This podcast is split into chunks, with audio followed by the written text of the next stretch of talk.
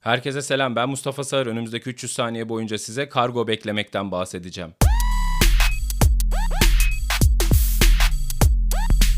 Ev sahibi aradı. Ev sahibimin ev sahibi onu evden çıkartıyormuş. O da bana bu aralar evden çıkmayı düşünüyor musun? Çünkü bir ev bulmam gerekiyor dedi. Ben de dedim ki bu aralar evden çıkmayı düşünmüyoruz. Çünkü kargo bekliyoruz. Gerçekten öyle bu arada. inanılmaz bir pencere vermişler. Yani önümüzdeki bir ara işte kargo gelecek ve ben o kargo gelirken hep evde beklemek zorundayım. Aslında hak etmediğim bir ev hapsine çarptırılmışım gibi bir durum var. Geçenlerde hesapladım yaklaşık 4 ay evde kargo beklemişim. Yani bu 4 aylık ev hapsi demektir. Benim aynı orandaki bir cezayı işleyip suçsuz olmam gerekiyor gerekiyor normalde. Neden yattım bu cezayı? Çünkü Amazon'da gördüğüm mavi Nike'lar çok güzeldi yani. Biz bunları sevdik diye mi yaşıyoruz kardeşim yani Allah Allah. Bu kargoyu zamanında getirin abi.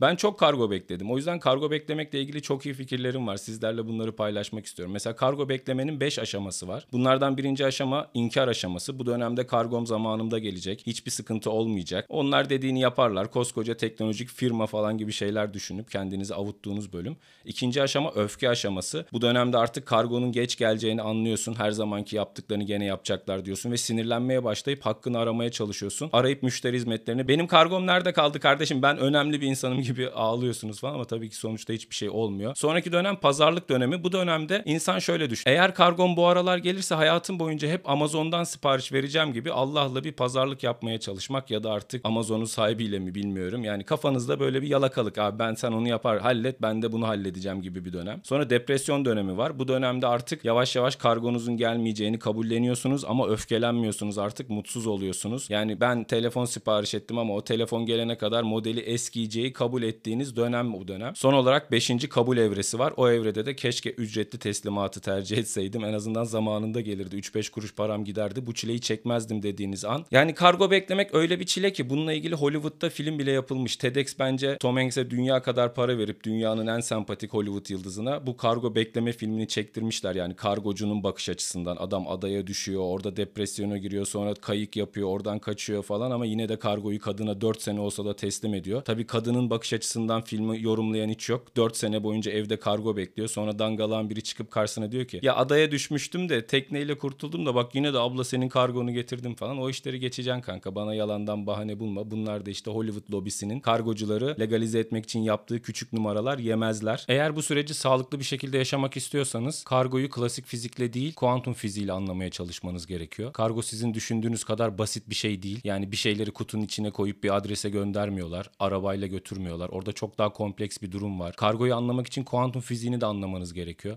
Mesela kargonuz geç mi geliyor? Kargocuya mı kızıyorsunuz? Çok yanlışsınız. Orada izafiyet teorisi bilmeniz gerekiyor.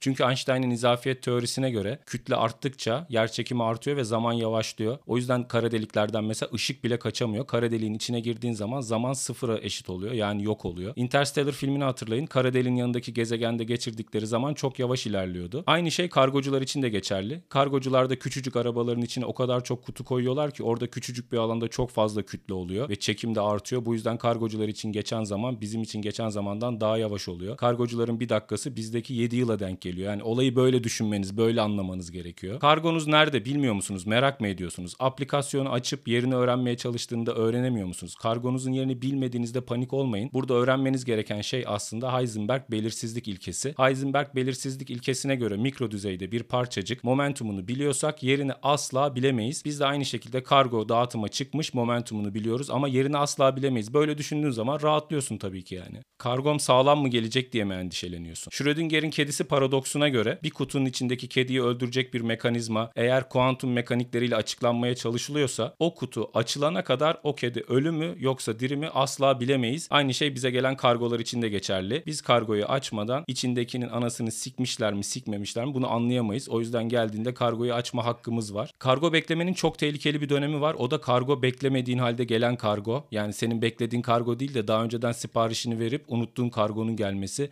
insanı delirtebilir. Sen yeni sipariş verdim iPhone 15 gelecek diye kapıya gidersin. Bir açıyorsun çamaşır deterjanı çıkıyor.